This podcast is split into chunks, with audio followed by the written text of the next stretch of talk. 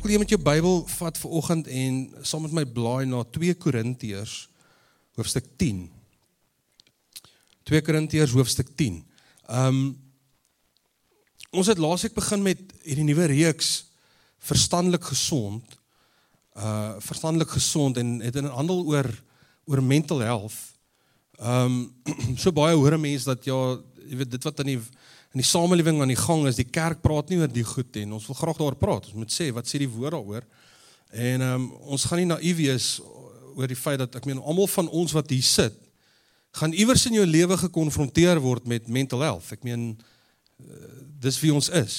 Ons is mens. Ehm um, en die vraag is hoe hanteer ons dit? Wat sê die woord van dit? Wat sê God vir ons? Want uh, omdat ons gelowig is, omdat ons in God glo, sê ons ons het iets meer om te sê as net wat die wêreld sê. Amen.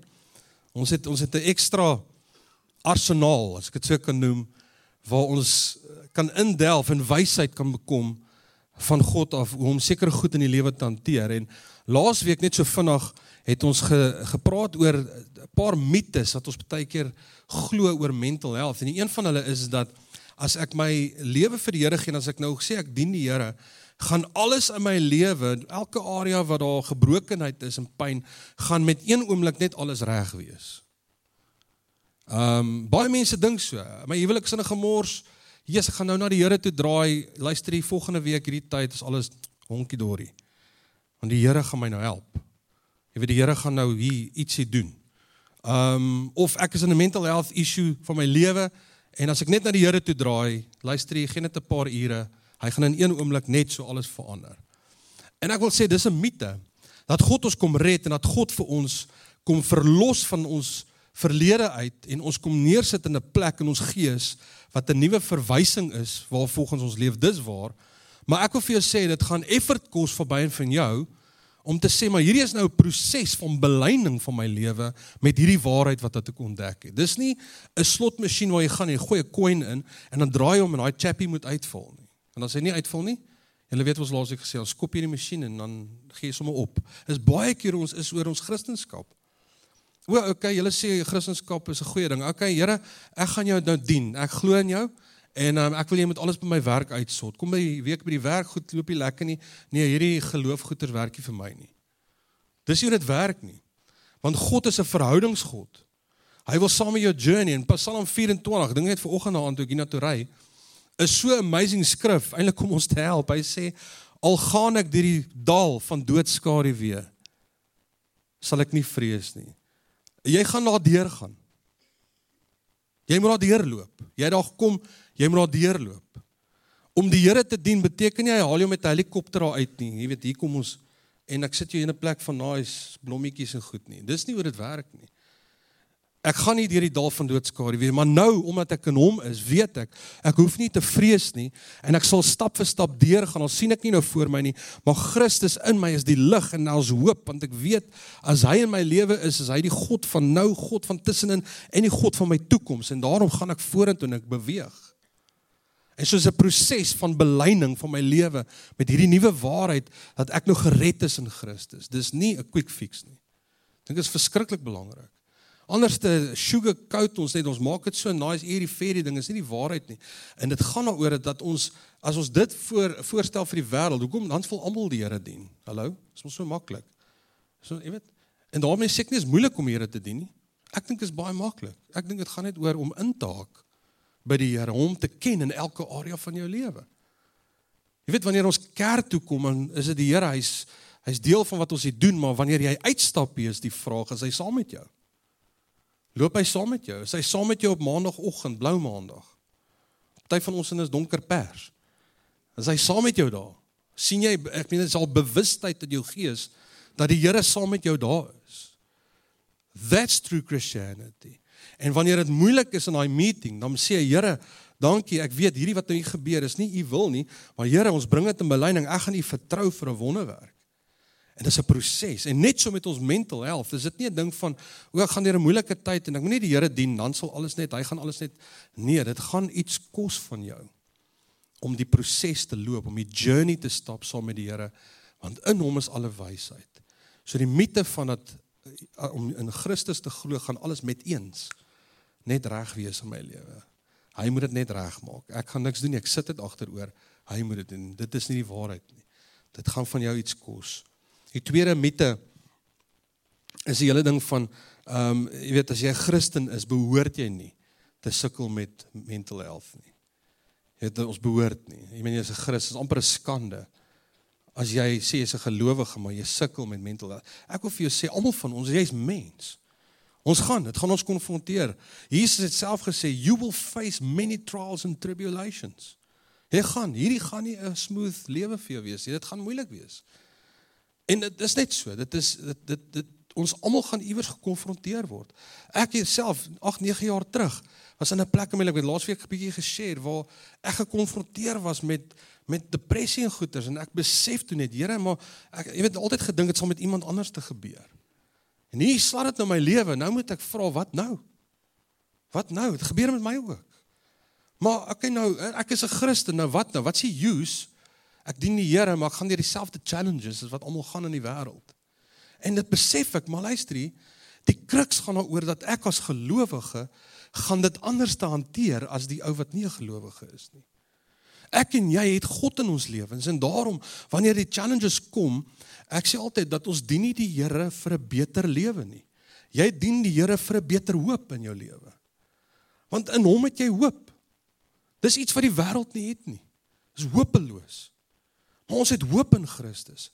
So slat hierdie krisis, finansiële krisis, wat dit ook al mag wees jou lewe, sê weet jy wat, alright, ek is 'n Christen en ek weet nou dat ek gaan dit anders hanteer. Ja, my broer wat dalk nie gelowig is nie, gaan deur dieselfde ding, maar ek weet, dankie God dat U gee vir my nou wysheid. Ek kom na U toe, ek draai na U toe om vir my wysheid te gee om hierdie ding te hanteer. So kom ons verval nie in hierdie mites van omdat ons Christene is, moet niks slegs met ons gebeur nie. It will happen. Dit gaan. Ons het nie altyd verduidelikings hoekom nie.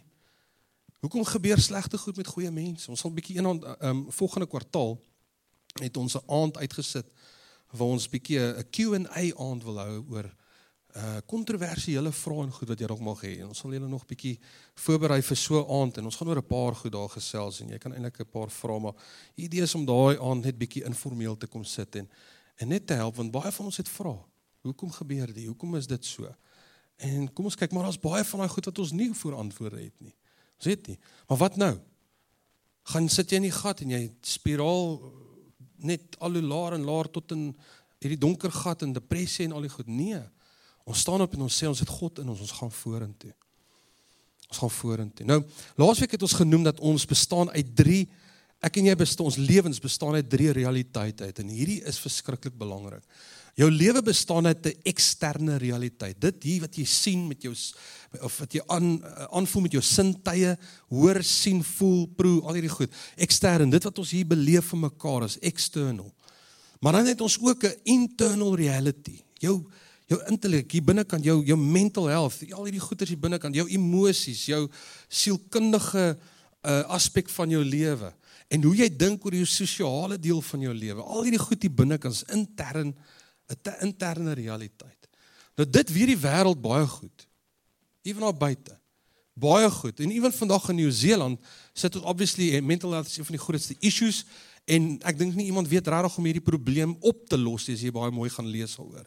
Niemand weet regtig wat om te doen nie. Maar iets wat ons vergeet is is dat ons as mens, elke liewe mens bestaan nie net uit twee dimensies nie of twee realiteite nie. Daar is 'n ewigheidsrealiteit wat deel is van jou lewe en dis jou gees. Is jou gees mens, gees siel en liggaam as jy dit nou so wil sien. Gees siel en liggaam. En dis belangrik dat ons vandag vir mekaar sê dat ons verstaan as gelowiges dat ons leef nie meer as gelowiges en dit sê Paulus menigte kere in die Bybel. Ons leef nie meer na die vlees nie. Ons lewe nie meer volgens dit wat ons sien en dit wat rondom ons gebeur nie. Hy sê dit wat jy sien rondom jou behoort nie jou lewe te rig nie. Dit behoort nie in te kom in jou lewe en jou gedagtes te vorm en dat jy dan jou lewe rigting wat jy inslaan inslaan op grond van dit wat jy van die uiterlike af beleef nie. Hoor baie mooi. Dit sê die skrif baie keer. Ek gaan nie nou daaroor gaan nie. Baie pertinent sê Paulus dit vir ons. Hy sê omdat ons nou gelowig is, Is daar 'n nuwe dimensie wat nou 'n realiteit is in jou lewe, is jou geesdimensie. En hy sê ons wandel nie meer na die vlees nie, maar ons wandel nou vanuit die gees want dit is in jou ewigheidsrealiteit waar Christus die verandering in jou lewe kom doen het daar 'n conviction plaasgevind in jou gees. Jy het glo nou in Christus. Jy glo in hierdie God wat in hierdie wêreld is en wat jou lewe kom verander het en dat hy op die kruis al jou sondes op hom geneem het en jou vrygemaak het. Daai vryspraak is 'n ewigheidsding. Want hy het jou nie net vir 5 weke vrygespreek nie hy het jou vir ewig vrygespreek Hy het jou vir ewig gered. En daarom sê Paulus vir ons so mooi, hy sê lewe vanuit die gees.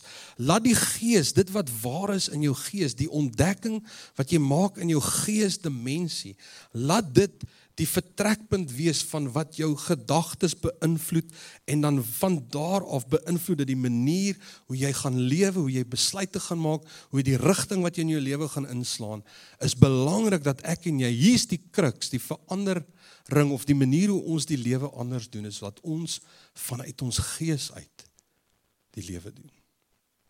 Nie vanuit jou vlees nie.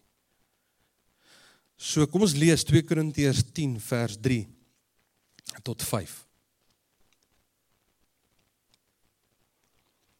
Dis dan in hierdie dalk het gevoel ons begin is in hierdie interne realiteit.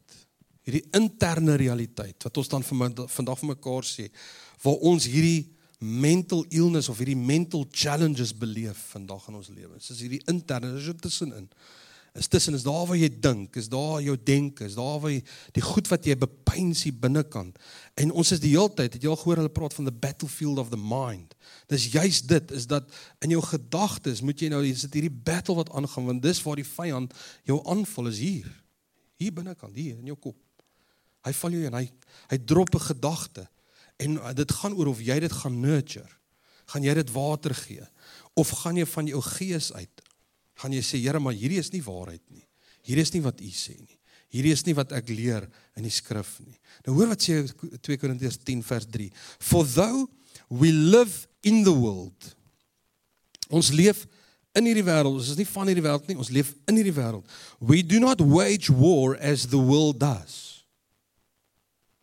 So wanneer dit gaan oor ons moet veg baie keer vir sekere goed in hierdie lewe, dan veg ek en jy as gelowiges. Hy skryf hier vir gelowiges, die kerk in Korintiërs. Hy sê we do not wage war as the world does. Die wêreld gaan elke tweede selfhelp boekie en goeder straai en probeer en die regering probeer allerlei goedjies doen en hy sê maar ons veg nie daai manier nie. Ons veg op 'n ander manier. Hy sê the weapons we fight with are not the weapons of the world. On the contrary, they have divine power to demolish strongholds. So hy sê in hierdie skrif is dat ek en jy as gelowige het sekere wapens in ons lewens wat ons help om strongholds te demolish, weg te vat in ons lewens. Ons kan veg teen dit en sê hierdie is nie van God af nie. Hierdie gaan ek nie myself aan blootstel in hierdie lewe nie. En dan sê hy they have divine power to demolish strongholds. We demolish arguments and every pretension that sets itself up against the knowledge of God. Ander vertaling sê the truth of God.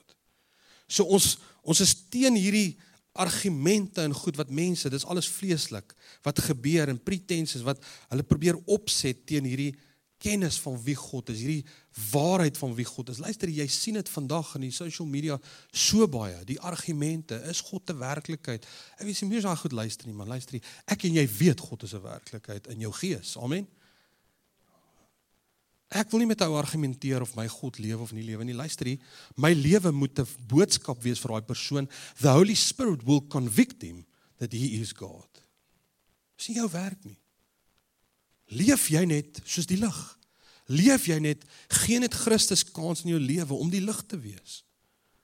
Geen argument, ek het tyd vir argumente oor is jou God waar en myne nie waar nie. Luister hier. I believe it. Mag my lewe hoe ek leef 'n boodskap wees vir jou dat my God 'n werklikheid is.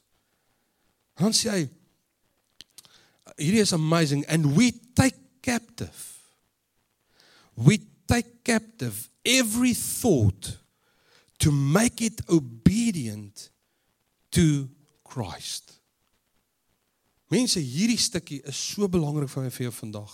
As jy ver oggend hier sit en jy's vasgevang in mental health issues in jou lewe, ek wil vir jou sê, ek is regtig jammer dat jy daar moet wees in jou lewe. Dis nie God se wil vir jou nie sê God se wil nie, maar hier's 'n waarheid vandag. En as jy dalk vandag hier sit dit gaan goed met jou, wil ek vir jou sê, laat hierdie vir jou 'n fondasie wees, want dit mag dalk wees dat dit jou lewe tref. Dit mag. Maar wees voorberei. Nou sê hy, we take captive every thought to make it obedient to Christ. Nou hier's 'n paar goed wat ek vir jou wil uithaal uit hierdie skrif uit vanoggend. Die eerste ene is hy sê dat ons het goddelike wapens om te veg vir ons verstandelike gesondheid. Dit is baie interessant. Nou jy vra, watse wapens is hierdie? Hallo, help my net. Watse wapens is dit? Efesiërs 6 kom verduidelik vir ons. Paulus kom verduidelik wat is hierdie wapens? Dit is so amazing en ons almal ken dit as die ehm um, die wapenrusting, nê, nee, die wapenrusting. Maar ons haak vas by die gordel en die helm en al die goed. Nee, luister, los dit een kant toe. Luister wat sê die skrif en ek gaan dit nou nie vir jou op die bord sit nie, maar hy sê dat ons het nommer 1 die waarheid. The truth of God. God, Jesus het self gesê ek is die weg, die waarheid in die lewe.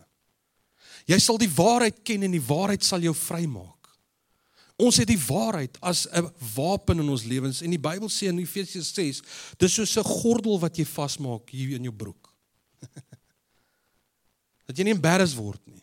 Know the truth. It's a weapon. As jy nie die waarheid ken oor wat jy glo en wat jy doen nie, gaan jou broek afval. en jy gaan embarrassed wees. Die vyand gaan kom. En dit gaan vir jou lekker tyd wees nie, want jy het nie die gordel vas nie. Hy sê onder andere hy sê vryspraak is een van jou wapens. Verstaan jy vryspraak in jou lewe? Wat beteken dit? Jy is nie meer skuldig die goed wat jy gedoen het in jou lewe wat maak dat jy nie sou in verhouding met God kon kom nie. Het God Jesus gekom aan die kruis en jou vrygespreek. You are free. Jy's vry. Dis 'n wapen. Hy sê hierdie wapen is soos 'n borsharnas. Hy sê hierdie vryspraak is so belangrik want wat? Wat doen 'n borsharnas? Dink gou 'n bietjie aan 'n knight. Ek love Middle Eastern movies. Ag man, Braveheart, al daai goed. Gladiator. Ja, man, ek love it. As ek as ek weer die lewe kon oordoen, sou ek 'n knight wou wees. Okay, maar ek het lang arms, daai goed sal my nie pas nie. So hier by my elmboog kom die die kit.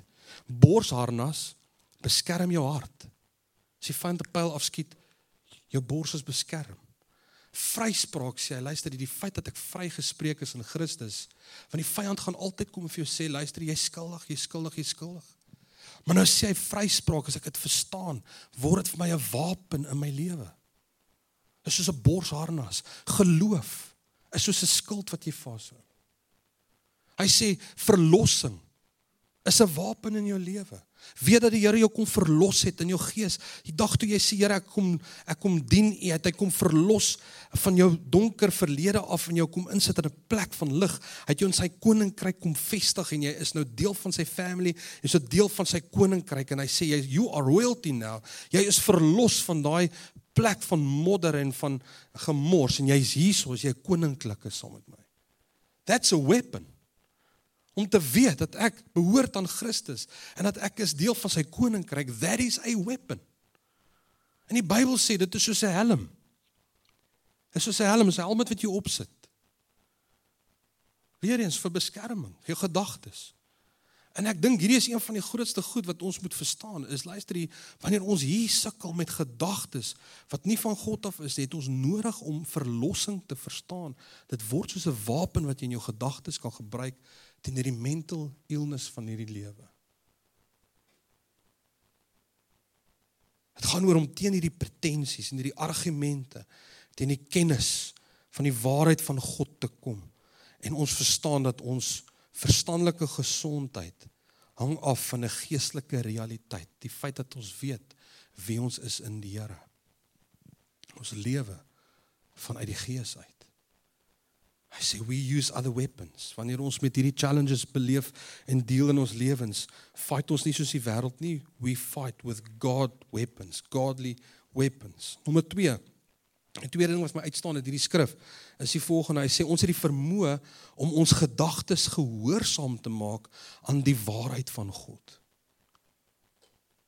Hy sê we take captive every thought to make it obedient to make it obedient to Christ. Nou hierdie is 'n amazing stuk as jy hierdie kan begryp vanoggend. Hy sê ons het die vermoë om gedagtes wat opspring of wat die vyand bring in jou lewe, het ons die vermoë om dit gehoorsaam te maak aan die waarheid van wie God is. So as die vyand kom en vir jou sê jy's nie goed genoeg nie, dan weet jy, is dit van God af? Kan ek gaan vir jou vra, is dit van die Here af? Nee, dit is nie dan besef jy ek vat hierdie gedagte vat 'n captive. Ek gryp hom vas en ek sê dis nie die waarheid nie. Dis nie wat God sê nie. En ek maak dit gehoorsaam aan dit wat God sê wie ek is. Hy sê jy is goed genoeg. Hoekom sou ek my enigste seun gegee het om vir jou te sterf as jy nie goed genoeg was nie? Jy's goed genoeg. En hierdie woordjie obedient het my geraak. Hy sê die woord obedient In die Griekse vertaling, die Griekse woord is hupakouai, hupakouai. Alraight. Wat uit twee woorde bestaan. Ek het vir julle opgesit. Hupa is die een deel en akouo is die tweede woord of die tweede deel van die woord. Hupa beteken ander en kouo, akouo beteken to hear. Is dit nie beautiful nie? Is hierdie gedagte wat nie van God af is nie, neem ek captive en ek bring dit onder die gesag van Christus. En ek sê vir hierdie gedagte luister wat sê God oor my lewe. Is dit nie incredible nie? Make it obedient to what God says. The truth is over your life.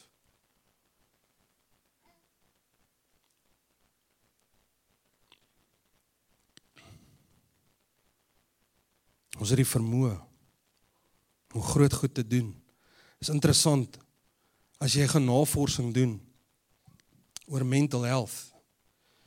Lees 'n bietjie rond mental health en al die goed. How do I deal with mental health? Gesit dit net bietjie in in die internet. Is interessant. Die eerste goed wat amper al hierdie resources doen is die volgende. Is hierdie volgende stelling. It is not your fault. It is not your fault.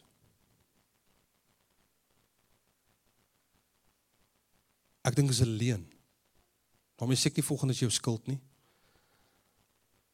Maar as ons gaan glo dat dit is nie my skuld nie, hierdie wat ek gebeur in my lewe is jy weet ek eh, bring jou op 'n plek ek is die slagoffer.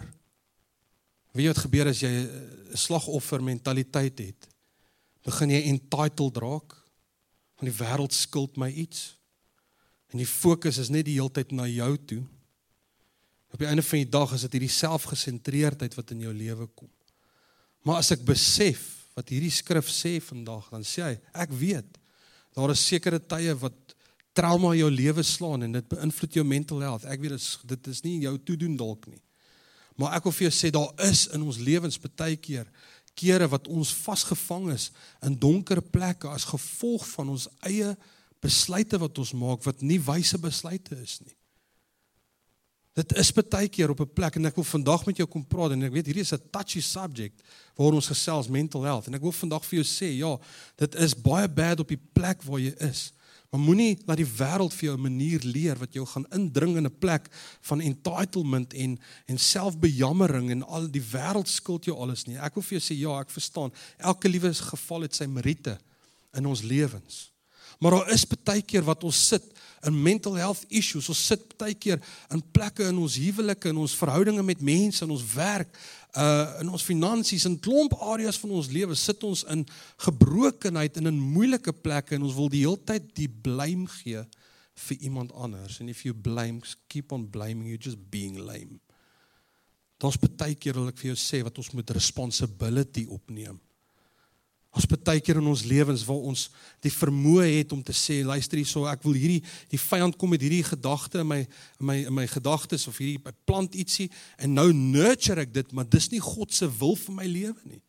En daarom nou pas ek alles aan volgens hierdie gedagtepatroon wat ek het en my huwelik gaan nou hier volgens moet inpas en my my ouerskap en al die goed gaan hier in moet pas sodat dit nou my gedagtepatroon wat nie God se gedagtepatroon is nie, maar dit sal vereer op die einde van die dag. En dis in hierdie oomblikke wat ons moet sê, Here, dis nie net iemand anders nie. Dis baie keer ek wat die verantwoordelikheid en daarmee sê ek nie jy's nou skuldig en sien jouself nou as hierdie skuldig. Jy kan of 'n slagoffer wees of jy kan aan die ander kant voel ek is die skuldige persoon nie. Ek wil vir jou sê ons neem elke gedagte gevang. Ons besef dat in Christus is ons meer as oorwinnaars vir die skrif sê. Ons besef dat in Christus kan ons verantwoordelikheid neem vir die goed wat ons weet. Hierdie is my eie te doen. Hierdie is my eie te doen. En ek kan op die einde van die dag dat ek so optree en so leef uit 'n Christelike uit 'n geesdimensie uit en verantwoordelikheid neem en goed obedient maak onder Christus. Kom ons op 'n plek wat ons sê Here, maar ek het actually bring ek aan ek ek bring eintlik actually iets na hierdie samelewing toe. Beteken eintlik iets. Ek kan 'n voorbeeld wees vir iemand. Maar die wêreld daar buite vandag as dit kom by mental health gaan dit net oor it's not your fault. Someone needs to take the blame vir waar jy is. En ek wil net vandag sê dit is nie die waarheid vir elke situasie in 'n mense se lewens nie. Ek wil vandag met jou praat, daar's kere wat ons moet verantwoordelikheid neem. vir die goed wat ons sê, vir die goed wat ons dink in ons lewens. Weet jy, it's amazing. Romeine 8 vers 6, hy sê for for to set the mind on the flesh is death But to set the mind on the spirit is life and peace. Is dit amazing nie? Sit jou gedagtes op jou gees. Jy kan vandag weet wat is die denkpatrone, wat is die gedagtes, wat is die goed wat jou vandag op 'n plek het waar jy mental illness beleef, waar jy challenges beleef en sê Here, ek bring hierdie goed onder u in en ek bring ek sê luister dat dit wat die Here sê hier is die wapens. Ek is verlos. Ek is verlos in Christus. Die vraag laastens is hoe doen ons dit? En ek wil by 'n konsep uitkom wat ons dalk bietjie vergeet het as Christene in ons lewens en dalk bietjie heeltemal mis het. Maar hoe doen ons dit? Hoe bring ons in belyning ons lewens hierdie gedagtes en dis iets wat jy elke dag saam met jou kan vat en dis die konsep bekering. Bekering. Jy al gehoor van dit? Bekering. Wanneer laas het jy gehoor van dit? Bekering. Nou ek het groot geword my ma het my geleer dat bekering is daai dag wat jy besef jy so diep in die skuld en so diep in jou sonde, jy so diep in die moeilikheid. Jy moet absoluut berou hê vir die goed wat jy verkeerd gedoen het en nou na God toe draai. Dis draai of braai nou. Dis let dis daai oomblik. Dis draai of braai, my maat. Jy gaan help. Jy nou. En ek en baie mense praat ek so. Ek het op daai jaar, daai datum tot bekering gekom. Tot ek besef oor die afgelope paar jare, maar dis glad nie wat daai woord beteken nie. Bekering is eintlik 'n incredible woord. Kom ons laat ek net my sin klaar maak oor jou hart vir die Here gee, daai hele proses. Dit is daar's 'n ander konsep, wedergeboorte. Is waar jy geboorte gee, daar jou gees het geboorte gegee aan God wat nou in jou lewe present is. Ons twee konsepte, wedergeboorte is een. Bekering, kan ek gou vir jou sê, is 'n daaglikse ding. Alraight. Bekering is nie 'n once off thing nie. Bekering is 'n daaglikse ding. Bekering, nou kom ek verduidelik jou gou-gou. Is interessant ehm um, dat bekering is nie net waar jy sê Here ek is jammer en ek het berou oor my sonde en goed nie, maar dit gaan meer as net oor dit. Jesus het in sy bediening toe hy begin het, het hy telke male hierdie woorde gesê: "Bekeer julle want die koninkryk van God is hier." Het jy al gehoor? 22 keer in die in die Nuwe Testament, net in die Nuwe Testament kom Jesus en hy sê: "Bekeer julle want die koninkryk van God is hier." Nou die woord bekering is die woord metanoia wat beteken change of mind, think differently, reconsider. Nou as jy my vra in my lewe moes ek nie net een keer in my lewe gereconsider het nie. Ek moes nie net een keer in my lewe gethink different nie. ek moet elke dag oor sekere goed moet ek sê, Here, help my. Ek besef ek het verkeerd gedink oor hierdie ding. Dis die prentjie wat ek het oor ouerskap. O nee, ek besef as ek die woord lees, dis nie wat God se wil is nie. O Here, ek bekeer, I'm going to think differently.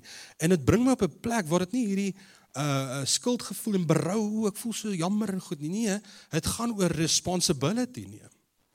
Van hey, okay. En dis die verhoudingsgod met wie ek en jy te doen het.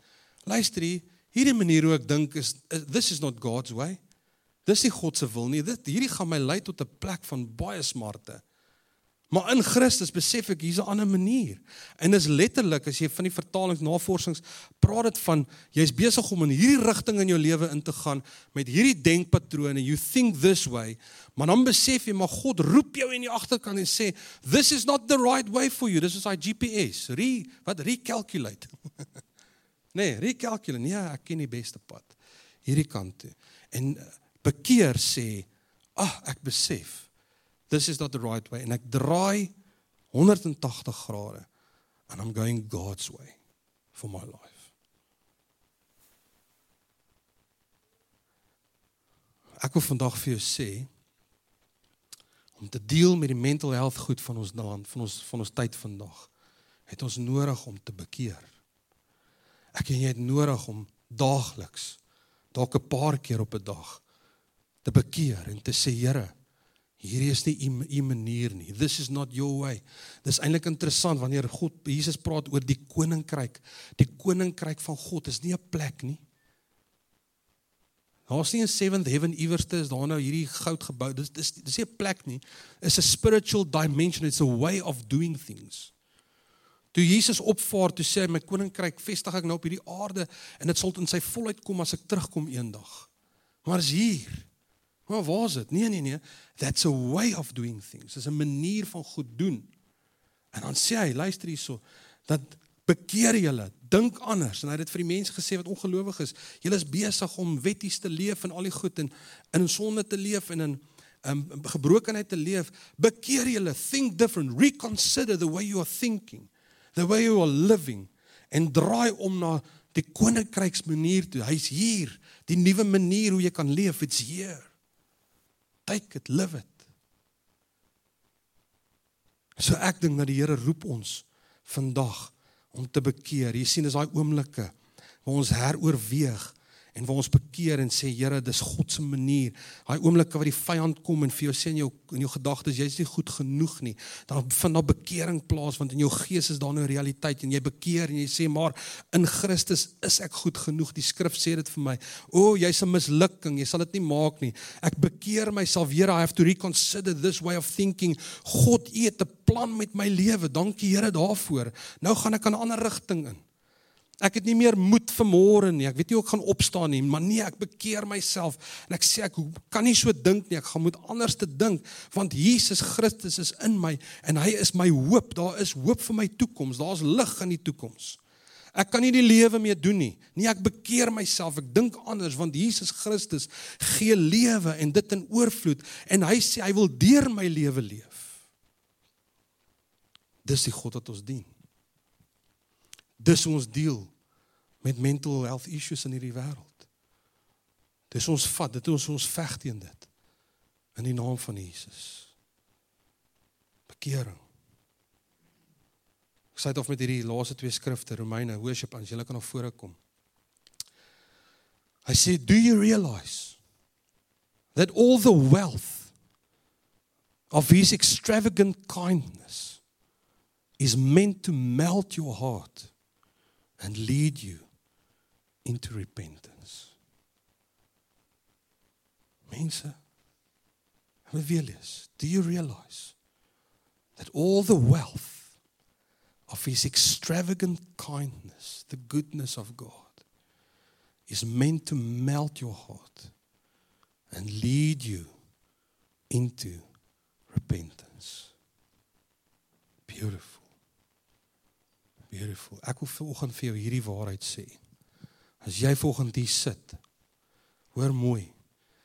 En jy voel jy's vasgevang 'n plek van verstandelike ongesondheid. Wil ek vanoggend vir jou sê, dis nie God se wil vir jou lewe nie. Hier's wat ek vir jou volgende wil sê. Jy kan nie daar bly nie. Jy moet daar uit. Jy gaan moet van jou kant af sê, Here, ek haak in met U. Ek wil hier uit. Ek kan nie hier bly nie. Hier is nie U wil vir my lewe nie. Romeine 12 vers 2 and do not be conformed to this world any longer with its superficial values and customs but be transformed and progressively changed as you mature spiritually by the renewing of your mind focusing on godly values and ethical attitudes so that you may prove for yourselves what the will of God is that which is good and acceptable and perfect in his plan and purposes for you. Ek sluit af met 'n laaste gedagte. Jy weet hierdie reeks naam is eintlik die verkeerde naam. Ek het dit opsetlik so gedoen. Ek is nie altyd pro Afrikaanse taal vir vir definiering nie. Die Engels is baie keer ons het baie keer laks in ons definiering met Afrikaans, nee, ek weet nie of jy agtergekom het. Ons soos een woord wat in Engels twee woorde beskryf. Maar ek was so opgewonde toe ek mental health die actual translation gaan opsoek in die Woordeboek. Was dit nie verstandelike gesondheid nie. Het ek so opgewonde geraak toe ek dit lees. Ek weet of jy weet, weet jy wat dit is? Geestes gesondheid. Geestes gesondheid. Why? It starts in your spirit. Is hier waar die waarheid is. Dis hier van waar uit ons leef. Kan ek jou vra om jou oë te sluit? Ons gaan 'n sang sing, kyk of ons 'n sang sing vanoggend. Ons dit gaan vasmaak en die Here vertrou dat jy hierdie waarheid sal vasmaak in jou gees. En dan na die diens gaan ons hier voor wees om saam met jou te bid. As jy gebed nodig het vanoggend vir enige aspek van jou lewe. Kom ons sit net so.